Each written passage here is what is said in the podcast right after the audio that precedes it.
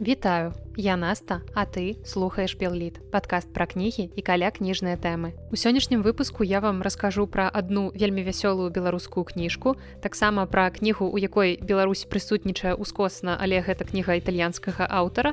таксама раскажу вам пра адзін фантастычны раман, які мяне неверагодна ўразіў у дрэнным сэнсе і таксама падзялюся з вами сваімі ўражаннямі ад першай кнігі Джорджа Оруэла. А таксама ў канцы выпуска раскажу вам пра адну беларускую навінку, гэта не зусім кніга паўнавартасная гэта хутчэй невялікі твор для дзяцей які звязаны з экалагічнай тэмай. Але перад тым як пачаць уласна выпуск я з вами падзялюся нарэшце радаснай для мяне навіной. Я спадзяюся што для кагосьці з вас таксама яна будзе даволі радаснай. Цяпер адначасова з усімі пляцоўкамі падкаст будзе выходзіць і на Ютубе. Я нарэшце заліла ўсе папярэднія выпускі на YouTube і гэта значыць што цяпер кожны выпуск я таксама буду адначасова заліваць туды. Таму калі вам больш зручна слухаць падкасты на Ютубе там не будзе ніякага відэа там будзе просто застаўка з назвай выпуску. Таму калі вам зручна то пераходзьце на гэтую платформу. Ну а цяпер пяройдзем уласна да выпуску.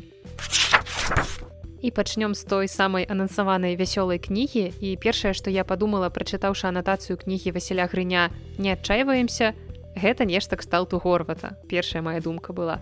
Там ёсць беларуская вёска ёсць каларытныя мясцовыя жыхары ёсць чалавек які ўсё гэта за імі записывае яшчэ одно супадзенне што аўтар гэтай кнігі таксама тое што чуў ад мясцовых ён спачатку занатоўваў у сябе на фейсбуку Так што ясна я адразу подумала пра горвата і адразу ж тады пастаралася забыць каб падчас чытання ў мяне просто не ўзнікала нейкіх лішніх параўнанняў ці асацыяцый. Аўтар гэтай кнігі Васіль хрынь купіў зарослы хутар за сцянак скрыплю на валожаншчыне і ўдыхнуў яго жыццё. Ён зрабіў там аграсядзібу экаке кемпінг і на мапах хутар на той час ужо адзначаўся пазнакай нежылое але там усё ж такі застаўся яшчэ адзін карэнны жыхар бронеславыч сусед Васіля і вось бронеславыч якраз і стане адной з цэнтральных фігур гэтай кнігі. Сама кніга сапраўды выглядае як радзівы прудок хорвата гэта невялічкія замалёўкі мініяцюры нават нейкія анекдоты з жыцця хутара гэтага і яго ваколец і таксама гэта ўсё сумешчана з успамінамі самога аўтара пра яго дзяцінства Ён спачатку расказвае пра тое, як ён чым ён увогуле займаўся, як ён развіваў гэты свой бізнес, як ён сустракае ў аграсядзібе турыстаў і ўсё гэта ў далейшым праходзіць не без удзелу вельмі каларытнага, вельмі яркага браніславыча. І сапраўды асоба гэтага чалавека, яго гісторыі, яго асаблівасці маўлення гэта акурат той падмурак, на якім кніга і трымаецца і вось прызнацца шчыра што многія эпізоды з кнігі без яго ўдзелу мяне ну не так уражвалі і часам нават некаторыя выклікалі недаўменне. У браніславыча свой адметны погляд на свет свая філасофія жыццёвая і гэта вельмі шчыры чалавек. Ён абсалютна не саромеецца нейкія свае думкі выражаць часам гэтыя думкі не вельмі цэнзурныя і некаторыя эпізоды кнігі просто мяне прымушалі рагатаць у голас. Такая вось гэтая непасрэднасць чалавечая ў браніславыча ну важкая канструкцыя выйшла яшчэ шчыты добавятся. Дык што табе не падабаецца ну хто яго знае ну дык тады адвярні вока не ну можа і добра але ж стокі ладнага матэрыялу пашло хм дык што з гаўна было рабіць гаўна канешне нежелательна я зразумела адразу выбачаюся ў сваім гэтым акцёрстве але трэба неяк паказаць што гэта два персонажа размаўляюць што гэта дыялогі. Але далей усё роўна я не магла абысціся без недарэчных параўнанняў з горватам. І у кнізе радзіва прудок я адчувала цеплыню. Калі горват апісваў сваіх суседзяў мне адчувалася гэта вельмі міла вельмі прыемна і вельмі светла. А тут мне вельмі часта падавалася што падколкі выглядаюць даволі здзекліва чым неяк цёпла. І спадзяюся што гэта просто маё такое суб'ектыўнае скажэнне тым больш што яно ўзнікала ну не так часта і перабівалася ўсё ж такі больш прыемнымі больш душэўнымі эпізодамі. І калі ты ведаеш расклад руху дызеля маладэчна ліда ліда маладэчна і мінск гродна гродна мінск Нашто табе гадзіннік? Ну як я ўжо раней казала мне вельмі вельмі абяззбройвала непасрэднасць шчырасць многіх персонажаў кнігі. Вось напрыклад я вельмі моцна смяялася ад наступнага эпізода Мне канешне гэтыя бананы? Похер. Што банану з'ясі што тое мыла. Я б другім перажываю што без'яна ўжо там і кадзе-то ў жунглях пушчах. Адна лісцё аб'ядаюць і людзі гэныя чорныя галодныя а нашым бананы падавай бульбу еш капусту цыбулю сала а калі капейку маеш той паляндвіцу і рабі як вол. Старайся. Мал патая бульбы нашай не будзе есці і чорны чалавек вот мы зараз тваім інтурыстам крапіўнік варым ты са смятанай козліка ў саганчыку і што разарве іх паядуць і не машыка ў нас бананаў а скажуць ой как хорошо дайце нам дабаўкі а ў нас крапівы во а бананаў хер. Таксама я ў кнізе знайшла вясковыя лайфхакі напрыклад пра тое як дасціпна адказваць людзям у некаторых сітуацыях эх васильевич васильевич добры вы чалавек только няма што вам даць або ўвогуле універсальныя паводзіны ў любой сітуацыі. На хітрага хітрэйшы нойдзецца а на хітрэйшага найхітрэйшы. Так што ты яму пакуль нічога не кажы хай думае що мы дурні. Самай захапляльнай часткай кнігі для мяне аказаліся дыялогі браніславыча з гасцямі васіля пераважна з расійскімі турыстамі. Вось я іх чытала і думала што госці з рассіі ўсё ж такі не могуць быць такімі недалёкімі. Але ну як бы яшчэ больш я чытала яшчэ больш мне становілася смешна калі я ўпэўнівалася што не ўсё ж такі могуць василий а почему он всегда если что спросит в конце начинает гавкать что ли? Как гавкать? Ну гав гав сейчас спросим г брониславыч ага вот что вот? Ну гавкнул же он людей не любит вам показалось.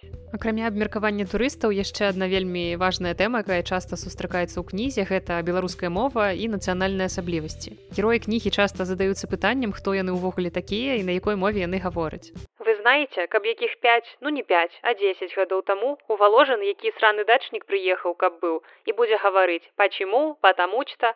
У яго б попыталі табе рускі ўрод насцаўга гавары по-нашаму что не можаш? На А цяпер у нас усё ўжо спакойна, ніхто нікога не чапае. І моя, ты не умееш гаварыць чыста па-беларускаму і па-рускаму, а мне, а мне похер. Я гавару, як умею і як думаю. Вот такі я беларус.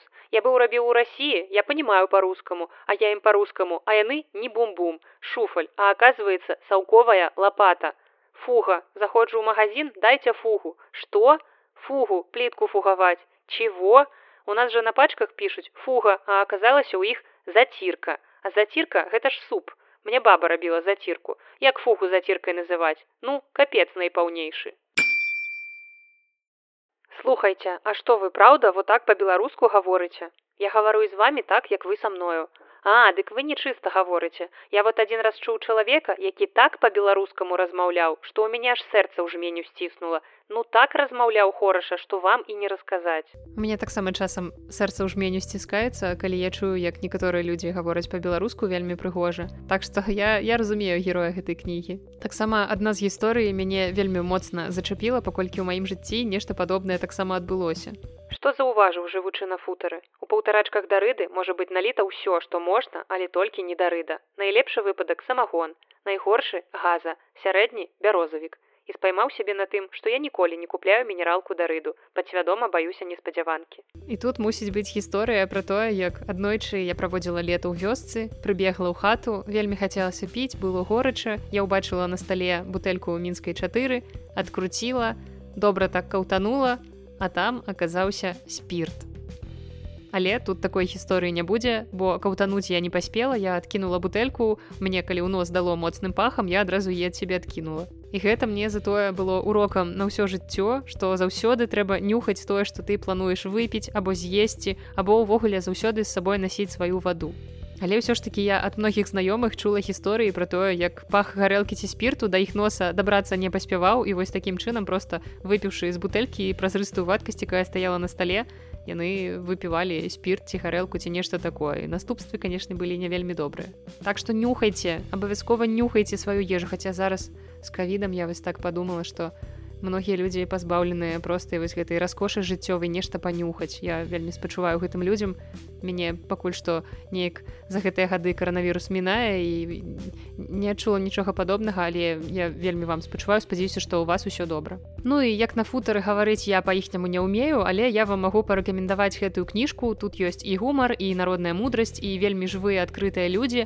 Такога ў горадзе вы дакладна не ўбачыце. Я вось нібыта вярнулася ў сваю вёску у лета ва ўсіх гэтых цудоўных яркіх каларытных персонажаў так што чытайце кнігу Васіля грыня не адчайваемся ну і адпаведна не адчайваецеся наступную кнігу сёння пра якую буду вам расказваць я магу занесці ў рубрыку беларусю літаратуры і дарэчы калі вы памятаеце у мяне быў цэлы асобны выпуск на гэтую тэму але потым пачуўшы ваши водгукі я вырашыла што ўсё ж такі лепей гэта не рабіць асобнымі выпускамі а просто ў кожны выпуск дадаваць патрошкі вось тых твораў якіх я сустракаю Беларусь. Тому что калі гэта рабіць асобным выпускам гэта вельмі шмат твору вельмі доўга гэта ну неяк не не так комфортна для слухання просто яны. Пасля там трэцяй чацвёртай згадкі ўсе ў галаве пачынаюць блытацца так што цяпер гэтая рубрыка будзе дадавацца да розных выпускаў.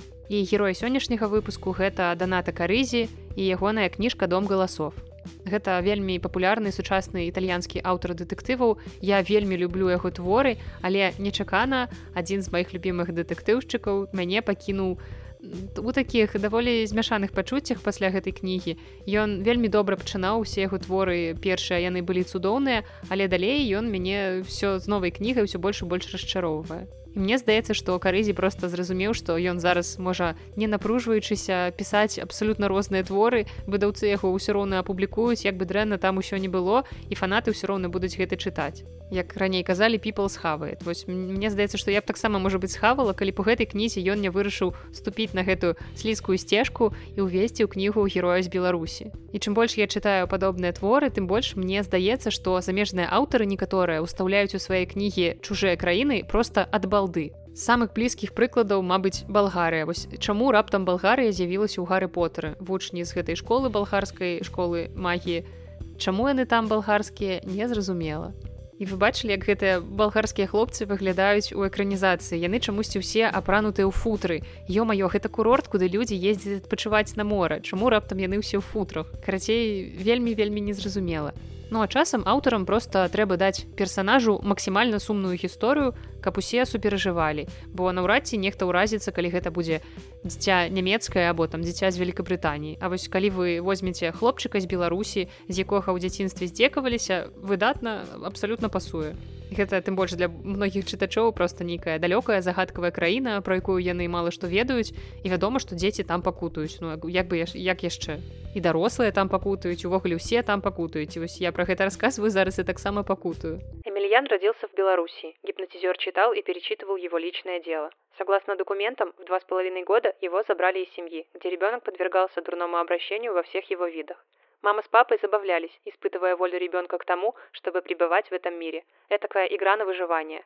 Целыми днями его оставляли голодным, плачущим, барахтающимся в собственных экскрементах. Я ўвогуле ведаю, што ўсынаўленне дзяцей з дзіцячых дамоў італьянцамі гэта ў Беларусі вельмі распаўсюджаная практыка. У мяне многія аднакласнікі, якія нават былі з поўных сем'яў, яны ўсё роўна вельмі часта на лета ездзілі ў італьянскай сям'і. потым адтуль вярталіся з кучай падарункаў і мы ўсе ім зайздросцілі, вядома ж. І вось у рамане карызі мы сустракаем шасцігадовага беларуса Эмельяна, якога ўсынавілі і перавезлі ў Італію, але яму ў Італіі таксама не вельмі пашанцавала з прыёмнай сям'ёй, бо ён сцвярджае, нягледзячы на такі невялікі ўзрост, ён сцвярджае, што яго яго прыёмныя бацькі рабілі оргіі з бабуляй дзядулем і світаром просто максімальна крынжова і з гэтым эмільяным хлопчыкам працуе П'етра Джербер псіхолог які спецыялізуецца на дзіцячым гіпнозе ён такім чынам дастае з падсвядомасці дзяцей нейкія дробныя дэталі якія могуць напрыклад дапамагчы ў расследаванні злачынству бо дзеці сваімі словамі яшчэ не ўсё могуць сказаць таму што не ўсё яны разумеюць але ён такім чынам нібыта залазіць ім у галаву і дастае адтуль рэчы якія могуць сапраўды дапамагчы прошлое эмельяна в беларуси черная дыра зато теперь его положение кардинальным образом изменилось, и он обнаружил, что располагает мощным оружием, любовью своей новой семьи. Але на шчасце пакуты беднага маленькага беларуса гэта толькі невялікая частка кнігі, бо ўвесь астатні час Джербер капаецца ў сваім уласным жыцці ён думае што такім чынам ён вырашае праблемы іншых. Вось што ёсць у творчасці карызі гэта уменне вельмі добра закруціць інтрыгу вельмі моцна зацікавіць чытача і не даваць просто адрывацца ад кнігі. Але як толькі ты вось усё гэта дынамічнае неверагодна захапляльнае ацэньваеш цвярозым поглядам то адразу убачыш усе касякі. І гэта вельмі імклівы псіхалагічны трыллер і ты просто не паспяваеш засумаваць пакуль яго чытаеш. І кніга зусім тонкая калі шрифт зрабіць меншым то зойме ўвогуле не больш за 200 старонак. Таму усе фінальныя разгадкі якія нам нібыта дае аўтар у канцы яны падаюцца прыцягнутымі за вушы бо мы просто не паспяваем зразумець адкуль героі ведаюць то што ведаюць. І калі б кніга была б на некалькі соцень можа быть ну на сотню на дзве сотні старонак большая то можа быть хапіла б старонак каб все растлумачыць бо гэтая кніга пакідае пасля сябе зашмат пытанняў. Але я не буду вам расказваць тому что гэта будзе спойлер. Можа быть нехта з вас зацікавіцца захоча прачытаць. Просто дадам что у гэтай кнізе сюжэтныя дзіркі памерам з эверест тэкст. І гэтую кнігу сапраўды можна лёгка прачытаць за вечар, нават атрымаць задавальненне, калі на ўсе несастыкоўкі вочы заплюшчваць. Але вось у гэты раз мне ад карызі хацелася чагосьці большага, бо я ўжо ведаю, што ён можа больш. Я ведаю, як ён можа. Ну і далей падзялюся з вами эпізодам, які ў мяне выклікаў проста неверагодныя фейспалмы ў вялікай колькасці. Монстр Мати, припомнил Джербер имя, которым Амельян назвал изображенное им чудище. Но тут психолог впервые подумал, что это слово могло иметь какое-то значение.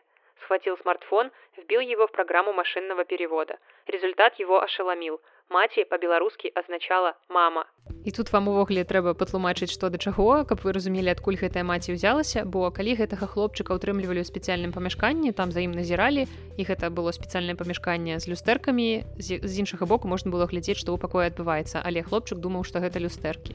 І вось ён там сядзеў, маляваў. І менавіта там у гэтым пакоі у нармальнай спакойнай атмасферы з ім размаўляў гэты гіпнатызёр, чарбер і спрабаваў выцягнуць яго галавы нейкія ўспаміны. І вось пакуль яны размаўлялі, хлопчык маляваў. І ён намаляваў нейкую страшную пачвару і калі ў яго спытаў гэты джербер што гэта такое што ён намаляваў бо гэта бы выглядала нібыта чалавечы твар можа быць нейкая жывёліна там з нейкімі зубамі здарвеннымі нешта такое.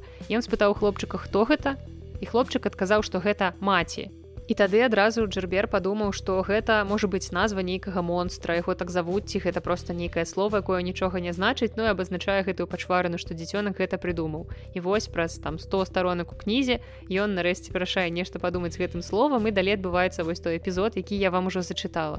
І вось цікава, што карызі нават зацікавіўся беларускай мовы і такі такім вось чынам уставіў беларускую мову ў тэкст, але ў мяне нічога акрамя смеху гэты эпізод не выклікае. Але вось быў такі неспадзяваны нечаканы сюжэтны паварот. Так што ў цэлым кніга яна даволі прахадная. Я лепш вам раю пачытаць больш ранняга карызі, напрыклад, яго раман дзевушка в тумане або серыю падказчык. Там праўда, бедных беларусаў няма, але там усё ж такі нашмат лепшыя сюжэты і нашмат лепш увогуле кнігі напісаныя. нібыта ён не спяшаўся іх выдаваць, бо з гэтай кнігай мне здаецца, ён проста паспяшаўся і не дапрацаваў. І вось нарэшце зараз будзе тое, чаго вы усе вельмі чакалі, я ведаю, зараз будзе рубрика наста вельмі абураная кніга, якую яна прачытала. І сёння мы пагаворым пра фантастычны раман Роберта Сойра, які называецца квантавая ноч. І гэта гісторыя пра тое, як захапляльная драма пра псіхапатаў, пра псіхічныя расстройствы ператварылася ў суцэльны фарс пра злоснага Пуціна або гісторыю пра тое, як псіхолага-эксперыментатар і квантавы фізік спрабавалі змяніць свет. І перш чым пачаць у мяне да вас ёсць пытанне. Ці звяртаеце вы ўвагу на рэйтынг кнігі?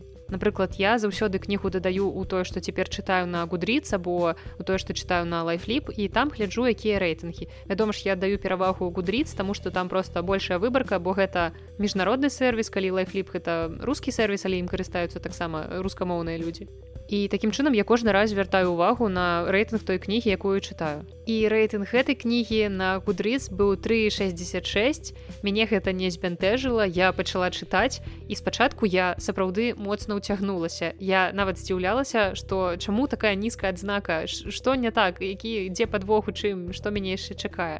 Бо пакуль кніга была вельмі нават ок Але як мы ведаем мільёны мух не могуць памыляцца і калі не ведаеш як добра разруліць усе пытанні па сюжэце просто уключыў кнігу небяспеку трэцяй сусветнай вайны і дурнаватых палітыкаў.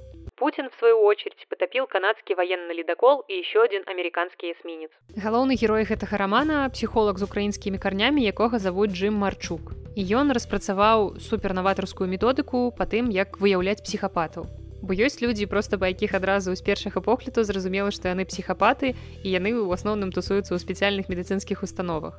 Але таксама штодзённа міма нас праходзяць людзі з выгляду абсалютна нармальныя пакуль ты не даведваешся крыху больш інфармацыі пра іх. І такіх схаваных псіхапатаў акурат распазнае джим і робіць гэта ён дзякуючы сакадам хуткім рухам вачэй для таго каб іх выявіць трэба чалавека зняць даволі блізка каб можна было разгледзець як рухаюцца іх вочы. Таксама яшчэ адзін важны персанаж кнігі гэта кайла. Гэта былая дзяўчына джима якая займаецца квантавай фізікай. І разам з калегай яна прыходзіць да высновы што ўсе людзі ў свеце дзеляцца на тры катэгорыі. Ёсць катэгорыя q1 гэта людзі без свядомасці гэта людзі пазбаўленыя волі схільныя да менталітэту натоўпу або яшчэ прыгожа гэтых людзей называюць філасофскія зомбі.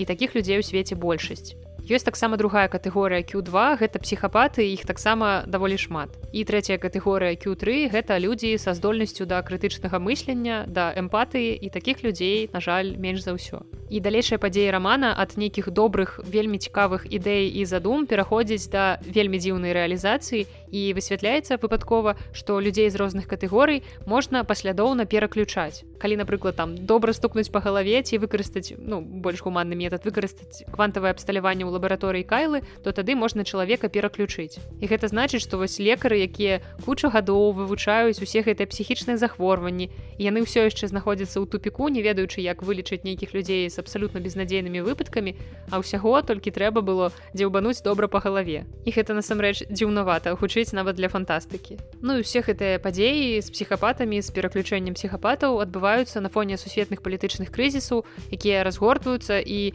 таксама ёсць пагроза новай вайны сусветнай так што джим і кайла вырашаюць узяць справу ў свае руки і пераключыць усіх гэтых ваяўнічых псіхапатаў з дапамогай сваёй квантавай апаратуры і тут ужо ў мяне ўзнікла вельмі шмат этычных пытанняў я баюся што аўтар лічыць сваіх персонажаў вось гэтых вучоных сапраўды героямі. І калі гэта так то у мяне даволі шмат пытанняў да роберта сойера. Бо мне падаецца што я напісвае сваіх персонажаў так нібыта ах якія яны малайцы яны знайшлі спосаб вырашэння ўсіх сусветных праблем я конечно дзіка выбачаюся але этыка просто выйшла з чата. Так што кніжкай у выніку я засталася незадаволеная хаця яна была з надзеяй. Я пачынала яе чытаць і у мяне таксама з'явілася надзея што ўсё будзе добра што проста усе гэтыя людзі якія ставілі нізкія адзнакі яны не ацанілі высокай задумы але ну ўсё ж таки ацанілі ацанілі сапраўды належна і я конечно дзіка выбачаюся што я тут так сумбурна рассказываю пра сюжэт але калі я скажу больш то гэта ўжо будуць нейкія спойлеры так што кніжку пачытаць можна але выключна дзеля таго каб пасмяяться бо напрыклад там сустракаюцца часам смешныя эпізоды вось як наступны Я отключил звук телевизора в гостиной, когда услышал, как открывается входная дверь. Но сейчас на экране был Владимир Путин. И в лучшие времена у него было суровое выражение лица. Сегодня же он был в ярости. Хотя, принимая во внимание, что в 2014-м его правительство аннексировало Крым, родину многих Марчуков, он, по-видимому, был близок к апоплексии только тогда, когда вторжение устраивал кто-нибудь другой. Мы увогуле, как мне падалося, траціна можа быть чвэрць траціна недзе так кнігі складаецца з шалёнага Пуціна, якога рознымі спосабамі абражае аўтар.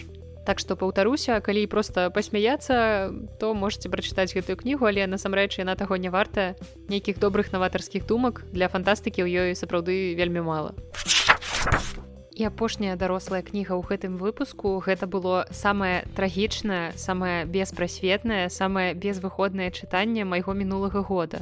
І ўсе гэтыя страшныя адчуванні падвойваліся ад усведамлення таго, што я чытаю умоўна мастацкую аповесць і больш усё ж такі не мастацкую, а аўтабіяграфічную гісторыю. І яшчэ больш мне жудасна несправядліва ад таго, што для многіх Джордж Оруэлл гэта чалавек з такой неверагоднай біяграфіяй, ён застаецца аўтарам адной, ну максімум дзвюх кніг, гэта 1984 і ферма але ж мне хочацца несці на ўвесь свет тое што ў яго ёсць. Не толькі гэтыя кнігі што ён існуе па-за межамі гэтых самых папулярных сваіх твораў. І кніга про якую я вам зараз раскажу гэта роман першы роман джорджа оруэлла. Пасля выхаду кнігі down and out in Paris Лондон яна ёсць у рускім перакладзе фунта ліха в паріжы і лондоне Вось пасля выхаду кнігі свет упершыню даведаўся пра Джорджа Оруэлла, бо менавіта пад гэтым псеўданімам праславіўся Эрык Артур Блэр. Мне было вельмі цікава, чаму Оруэл увогуле вырашыў выбраць псеўданім, таму што ну яго імя Эрык Артур Блэр яно ў прынцыпе гучыць э, не горш за Джорджа Оруэлла, але ўсё ж такі ён абраў псеўданім, таму што калі ён друкаваў сваю першую кнігу, вы далей пачуеце пра што гэтая кніга, можа быць, зразумееце яго думкі. Ён не хацеў, каб яго блізкія ведалі, што гэтую кнігу напісаў ён. Ну і таксама ён не думаў што кніга стане папулярнай што ён будзе вядомым аўтарам ён спадзяваўся магчыма на гэта. Але ён узяў псеўданім каб калі раптам што ён як бы не мае ніякага дачынення да гэтай кнігі яго імя чыстае і гэты псеўданім стаў данінай павагі аднаму з самых любімых месцаў пісьменніка ў англіі. Гэта рака орвел. Ну і імя джордж гэта просто вельмі класічнае звычай звычайнае брытанскае імя. Ну і гэтая аповесць, як я ўжо сказала, яна стала яшчэ і першым буйным надрукаваным творам пісьменніка. І для дэбюту я вам скажу гэта даволі моцна. І магчыма, моцна менавіта таму, што аўтар пісаў пра тое, праз што ён сам і прайшоў. Бо заўсёды ж прынцыпе раяць пісаць пра тое, пра што вы ведаеце вельмі добра, у чым вы разбіраецеся ці пра сваё жыццё ці пра нейкія свае зацікаўленасці, захапленні, пра тое, у чым вы спецыяліст як бы сумна гэта не гучала але вось аказалася што джордж оруэлл спецыяліст у такім даволі жабрацкім ладзе жыцця у канцы двадцатых гадоў два стагоддзя сам оруэлл жыў то ў великкабрытаніі то ў еўропе ён ужо тады быў упэўнены што хоча стаць пісьменнікам. І ён планаваў для гэтага для дасягнення гэтай мэты зрабіць усё. Але як даволі часта гэта бывае спачатку давялося яму трошку папакутаваць. Нищета избавляет от общих правил так же как деньги от труда У кнізе дзве часткі яна падзеленая паводле геаграфічнага прынцыпу і ў першай частцы герой жыве ў парыжы у яго няма стабільнай працы ён наймаецца на такія выпадковыя не самыя прэстыжныя падпрацоўкі але ўвогуле ён чалавек з такой даволі нябеднай сям'і у яго добрая адукацыя ён добра размаўляе і гэтым ён адрозніваецца ад астатніх людзей якія ён будзе якіх ён будзе сустракаць там потым на гэтым дне. Але ён вымушаны вось наймацца на такія падпрацоўкі як мыццё посуду напрыклад. І дарэчы першы варыянт кнігі мусіў называцца дзённік пасудамышчыка і калі ў кнізе першая частка гэта парыж то ў жыцці оройла было наадварот ён спачатку скажем так жабраваў у великкабрытаніі а потым ужо пераехаў парыж. У кнізе ж усё наадварот першая частка гэта парыж і герой там як і сам орвел жыў у працоўным квартале і мы ў посуд у фішанебельным гатэлі. Ну і другая частка кнігі гэта Лондон і там аказваецца герой ён бадзяецца па начлежках але не трэба думаць што гэта нейкая такая захапляльная гістарычная кніга і там паказваюцца нам гэтыя жабракі закансерваваныя нібыта яны экспанаты ў музеі. Гэта не так і ўвогуле многае запісанага вы можете сустрэць і ў нашы дні. І орвел вельмі падрабязна апісвае побыт гэтых усіх жабракоў але гэта не чытаецца нібыта гэта нешта такое непрыемнае нешта агіднае бо пісьменнік не прыніжае людзей ён не апускае людзей бо ён сярод іх жыў ён быў адным з іх і наадварот ён паказвае што вельмі часта у гэтым гаротным бядотным становішчы чалавека вінаваты не сам чалавек а эканамічная сістэма якая дапусціла вось пакуты гэтага чалавека. І не ўсе з тых людзей якіх ён сустракаў яны алкашы якія просто страцілі чалавечае аблічча. Наадварот гэта заўсёды даволі кемлівыя людзі і жыццё іх змушае быць вынаходлівымі і выкрутлівымі. Хлеб націраюць чесноком чтобы дольше обманывать язык вкусом еды асабліва цяжка вось гэтую кнігу згадваць успамінаць акурат у гэты перыяд зімой калі ты думаеш пра людзей якія вось у жыццёвай цяжкай сітуацыі зараз знаходзяцца і ў іх не заўсёды ёсць магчымасць патрапіць у цёплую начлежку. Бо ў некаторых гарадах беларусі ўсё ж таки ёсць дамы начнога знаходжання але у любым выпадку мне вельмі страшна ўяўляць якая колькасць бяздомных не перажыла маразы якія былі ў нас гэтай зімой У гэтым творы дынамічнае апавяданне поўнае нягод галечы гора ўсіх гэтых страшных рэчаў якія адбываюцца з людзьмі змяняюцца разважаннямі пісьменніка на тэму прыроды беднасці. Ён разважае як ставіцца да гэтага ўвогуле грамадства і якія ёсць спосабы у прынцыпе гэтую праблему вырашыць Такім чынам Орвел гэтымі гісторыямі не проста дзеліцца кудысьці ў пустэчу пра жабракоў пра іх побыт дакладней пра адсутнасць гэтага побыту. Ён яшчэ прапануе варыянты вырашэння праблем у канцы кнігі.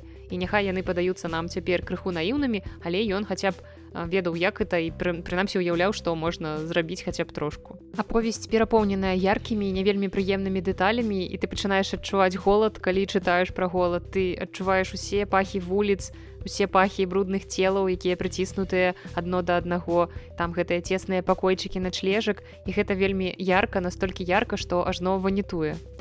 Увогуле кніга была адрасаваная не бедным людзям а наадварот людзям заможным каб яны маглі паглядзець на іншы бок жыцця. Праўда я не ведаю наколькі гэта ўвогуле было дзейсным. Таму што кніга не раскрывае нам вочы на тое што беднасць гэта цяжка гэта дрэнна гэта невыносна. а Я думаю, што гэта не навіна нават для людзей, якія ў гэтай беднасці ніколі не жылі, але часам людзям, якія трывожацца, непакояцца наконт розных дробязяў, варта такім людзям нагадваць, якім яшчэ можа быць жыццё. І гэта вельмі дапамагае, ведаеце. І ўвогуле мне здаецца, што тая літаратура добрая, якая цябе прымушае адчуваць пачуцці абсалютна рознага кшталту. Мае пачуцці пры чытанні гэтай кнігі вагаліся ад спагады да нейкага нават пачуцця віны. Я сапраўды адчувала віну за тое, што я, напрыклад, магу зараз есці смачны абед і магу сабе дазволіць пакінуць некалькі лыжак супу на дне талеркі, таму што я больш не хачу есці гэты суп. А ёсць людзі, якія б за гэты суп маглі паддаць усё просто што ў іх ёсць.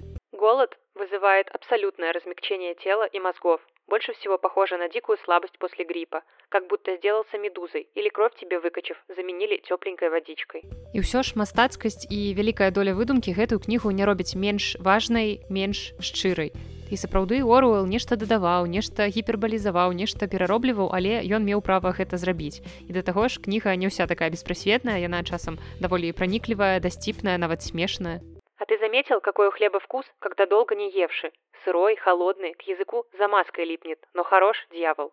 Чамусьці мяне прыцягваюць такія гісторыі пра самае дно чалавечага жыцця і мне прыемна ведаць, што Орул здолеў з гэтага дна выбрацца і бы цяпер вядомы па ўсім свеце аўтар. Калі вы хочаце пра гэтую кнігу пра орвела даведацца больш падрабязна то я нядаўна выступила экспертам для портала онлайнербай рассказала крыху больш пра гэты твор пра самога аўтара пра тое колькі якая ступень аўтабіяграфічнасці ў гэтай кнізе. І я пакіну спасылку на гэты артыкул у апісанні да выпуску вы можете пачытаць больш. Ну і дарэчы у кнізе ёсць згадка беларусі дакладней нашай самай вядомай сярод замежнікаў ракі А, это? Что ж, бросить придется. Ерунда, дешевка. Стоил-то всего 20 франков. И вообще, что-нибудь уж всегда оставляешь при отступлении. Ты вспомни о Наполеоне. Бросил под Березиной целую армию. Ну і замест нейкіх сваіх банальных высноў я хочу скончыць урыўкам цытаты з гэтай кнігі. Я думаю, ўсё вам будзе зразумела.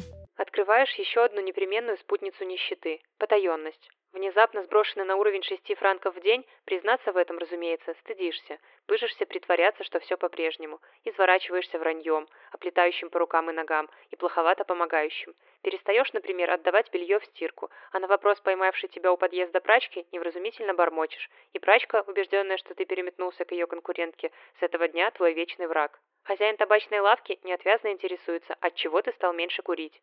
Скапливаются письма, на которые хотел бы, да не можешь ответить, так как слишком дороги марки. И потом стол. Пожалуй, гнуснейшая проблема. На время каждой трапезы уходишь якобы в ресторан и слоняешься, созерцая голубей Люксембургского сада. Провизию затем тащишь к себе тайком, в карманах. Питаешься хлебом с маргарином или же хлебом с вином, причем даже сорт продуктов определяется общим враньем.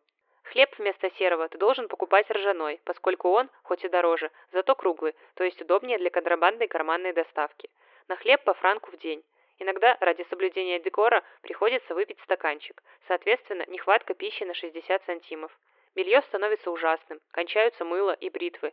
Необходимо подстригаться. Результат самостоятельных попыток столь дик, что бежишь к парикмахеру, возвращая достаточно приличный вид ценой дневного рациона. С утра до вечера ложь, и дается она недешево. Ну і апошняя на сёння кніжка дакладней не зусім кніжка невялічкая гісторыя як я вам і абяцала будзе для дзетак і тут я перадаю прывітанне пісьменніцы ганне янкуці якая ўласна гэтую кнігу і напісала з ілюстрацыямі ліліі давыдоўскай. Вы гэты дуэт ужо маглі бачыць калі вы чыталі кнігі пра каташ прота. І акурат на днях мне Ганна расказала пра тое што ў іх з лілія выйшла чарговая кніжачка скажем так невялічкая.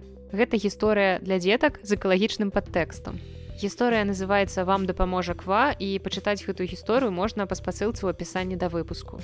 І тут трэба дадаць, што гэтая кніга створаная для міжнароднага грамадскага аб'яднання экапартнёрства. І выданне падрыхтавана выдадзена ў межах праекта ўдзел грамадства і эфектыўнае кіраванне воднымі рэсурсамі ў мастоўскім раёне. З першых старонак гэтага твора невялікага перад намі паўстаюць супрацоўнікі ква. Ква гэта абрэвіатура, якая расшыфроўваецца як казачнае воднае агенцтва. І гэта агенцтва, як тлумачыць нам кніга сочыць, каб у мастоўскім раёне ва ўсіх была чыстая вада. Там працуюць некалькі чалавек, напрыклад, там ёсць супрацоўніца, якую завуць квакша. Яна адказвае на званкі і прымае нейкія скаргі ад насельніцтва таксама ў гэтай арганізацыі ква працуе рачны дух якога завуць баламут і ён гідраінжынер ён спецыяліст які працуе з вадой. Ну яшчэ адна гераіня гэтага твора гэта расіца русалка яна жыве ў нёмане і таксама працуе ў арганізацыі ква. Яна вельмі добра разбіраецца ў воднай хіміі ад дзвіны да прыпяці. Яна займаецца тым што ездзіць па розных мясцовасцях яна правярае ваду яна правярае ваду ў школах або ў нейкіх арганізацыях карацей вось такі спецыяліст па вадзе І такім чынам перад намі гісторыя працы гэтых трох супрацоўнікаў арганізацыі ква. Напрыклад, гідраінжынер Баламут будуе вельмі складаныя, але вельмі патрэбныя канструкцыі. вось ён прыехаў да адной сем'яў правяраць, як у іх працуе вадасцёк, які ён зрабіў бо ў горадзе ёсць цэнтральная каналізацыя вода калі вы памылі там руки ці калі вы выкупаліся то вода па трубах цячэ далей на ачышчальную станцыю а потым яна чыстая празрыстая зліваецца ў раку. Але ў вёсцы няма такой каналізацыі няма магчымасці так хутка чысціць ваду і таму калі вы выкарыстоўваеце ваду то потым з бруднай вадой трэба нешта рабіць. Бо інакш калі гэтая вода брудная будзе застойвацца у вас каля дома то там потым будзе нейкае балота. І гэтая брудная вода яна можа потым трапляць у глебу у зямлю яна можа псаваць расліны і караць карацей вельмі забруджваць навакольнае асяроддзе Ну і такім чынам ваду калі вы жывяце ў вёсцы трэба нейкім спосабам адстойваць у бочках а потым яна будзе выцякаць у патрэбнае месца і вось гэты гідраінжынер баламут якраз дапамагае людзям усталёўваць такія канструкцыі ў сябе на участках Так што з гэтай кнігі можна даведацца про вось цікавай інфармацыі якая дарэчы хаця кніга дзіцячая у прынцыпе гэта інфармацыя будзе вельмі цікавай для дарослых. Вось я адкрыла для сябе шмат новага. Напрыклад тут ёсць гісторыі пра розныя расліны як расліны дапамагаюць чаму яны менавіта растуць у пэўных месцах. Напрыклад вось касачы і чарот патрэбныя каб лепш ачышчаць ваду. Вядома ж яны і прыгожыя таксама але ў першую чаргу яны патрэбныя для ачысткі вады таму вось яны там растуць Ну і ў канцы твора героя збіраюцца на працы разам абмяркоўваюць што яны за гэты час паспелі зрабіць наколькі добра працуе сістэма ачысткі вады вось пра якую я казала раней ну і гэтак далей. Зразумела што гэта твор мастацкі які напісаны паводле запыту арганізацыі але кніга ад гэтага атрымалася не менш цікавай. Сапраўды даволі карыснай плюс у ёй вельмі прыгожыя такія зеленавата сінія сапраўды нейкія рачныя марскія азёрныя ілюстрацыі. Лілія давыдоўская гэтым разам спрацавала не горш чым у выпадку з катом шпротам кніга атрымалася яркай таму калі вам цікава даведацца як у беларусі адбываецца ачыстка вады як працуюць у гэтай сферы то можете пагартаць гэтую гісторыю. Яна зусім невялічкая там не так шмат сторонак яна ёсць даступная абсалютна ўсім у электронным выглядзе. Таму яшчэ раз паўтару заходзьце ў апісанні да гэтага выпуску і там знойдзеце гэты невялічкі твор. а На такой прыемнай экалагічнай тэме мы скончым сённяшні выпуск. Сустрэнемся з вами зноў ужо праз тыдзень, а на гэтым усё з вами была Наста і падкаст Белліт. Да сустрэчы.